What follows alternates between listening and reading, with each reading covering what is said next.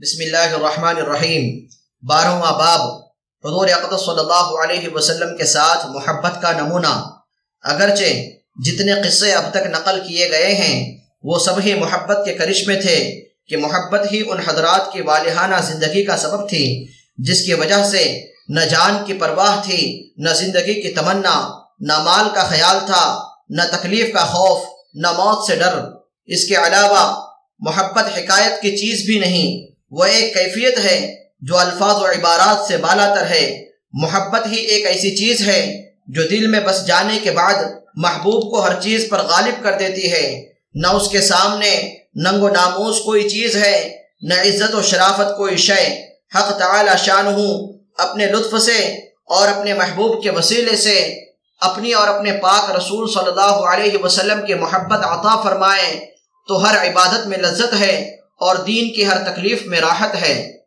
Number ایک، حضرت ابو بکر رضی اللہ عنہ کا اعلان اسلام اور تکلیف۔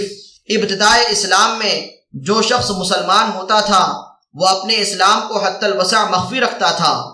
حضور اقدس صلی اللہ علیہ وسلم کی طرف سے بھی اس وجہ سے کہ ان کو کفار سے اذیت نہ پہنچے اخفا کی تلقین ہوتی تھی۔ جب مسلمانوں کی مقدار انتالیس تک پہنچی، تو حضرت ابو بکر صدیق رضی اللہ عنہ نے اظہار کی درخواست کی کہ کھلم کھلا علی اعلان تبلیغ کی جائے۔ حضور اقدس صلی اللہ علیہ وسلم نے اول انکار فرمایا، مگر حضرت ابو بکر صدیق رضی اللہ عنہ کے اصرار پر قبول فرما لیا۔ اور ان سب حضرات کو لے کر، اور اور اور ان سب حضرات کو ساتھ لے کر مسجد کعبہ میں تشریف لے گئے۔ حضرت ابو بکر صدیق رضی اللہ عنہ نے تبلیغی خطبہ شروع کیا۔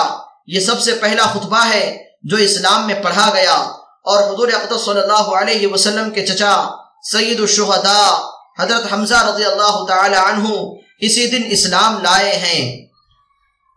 اور اس کے تین دن بعد حضرت عمر رضی اللہ عنہ مشرف با اسلام ہوئے ہیں۔ خطبے کا شروع ہونا تھا کہ چاروں طرف سے کفار و مشرقین مسلمانوں پر ٹوٹ پڑے۔ حضرت ابو بکر صدیق رضی اللہ عنہ کو بھی باوجود کے مکہ مکرمہ میں ان کی عظمت و شرافت مسلم تھی۔ اس قدر مارا کہ تمام چہرے مبارک خون میں بھر گیا۔ ناک، کان سب لہو لہان ہو گئے تھے۔ پہچانے نہ جاتے تھے۔ جوتوں سے، لاتوں سے مارا۔ پاؤں میں روندا اور جو نہ کرنا تھا سبھی کچھ کیا۔ حضرت ابو بکر صدیق رضی اللہ عنہ بے ہوش ہو گئے۔ بنو تیم یعنی حضرت ابو بکر صدیق رضی اللہ عنہ کے قبیلے کے لوگوں کو خبر ہوئے وہ وہاں سے اٹھا کر لائے۔ کسی کو بھی اس اس میں، کسی کو بھی اس میں تردد نہ تھا کہ حضرت ابو بکر رضی اللہ عنہ اس وحشیانہ حملے سے زندہ نہ بچ سکیں گے۔ بنو تیم مسجد میں آئے اور اعلان کیا کہ حضرت ابو بکر صدیق رضی اللہ عنہ کی اگر اس حادثے میں وفات ہو گئی تو ہم لوگ ان کے بدلے میں عطبہ بن ربیعہ کو قتل کریں گے۔ عطبہ نے حضرت صدیق اکبر کے مارنے میں بہت زیادہ بدبختی کا اظہار کیا تھا۔ شام تک حضرت ابو بکر رضی اللہ عنہ کو بے ہوشی رہی۔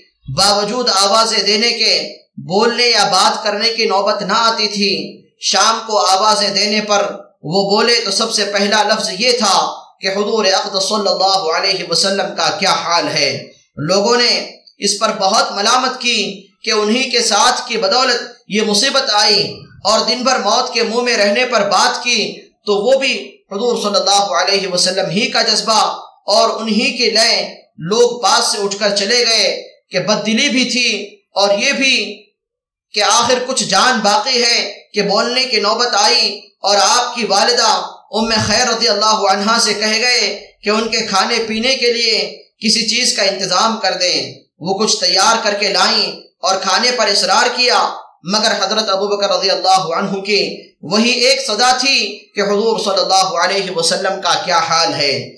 حضور صلی اللہ علیہ وسلم پر کیا گزری؟ ان کی والدہ نے فرمایا، مجھے تو خبر نہیں کہ کیا حال ہے۔ آپ نے فرمایا کہ ام جمیل یعنی حضرت عمر رضی اللہ عنہ کے بہن کے پاس جا کر دریافت کر لو کہ کیا حال ہے۔ وہ بیچاری بیٹے کی اس مظلومانہ حالت کی بیتابانہ درخواست کو پورا کرنے کے واسطے ام جمیل کے پاس گئیں اور محمد صلی اللہ علیہ وسلم کا حال دریافت کیا۔ وہ بھی عام دستور کے موافق اس وقت تک اپنے اسلام کو چھپائے ہوئے تھیں۔ فرمانے لگیں، میں کیا جانوں کون محمد اور کون ابو بکر؟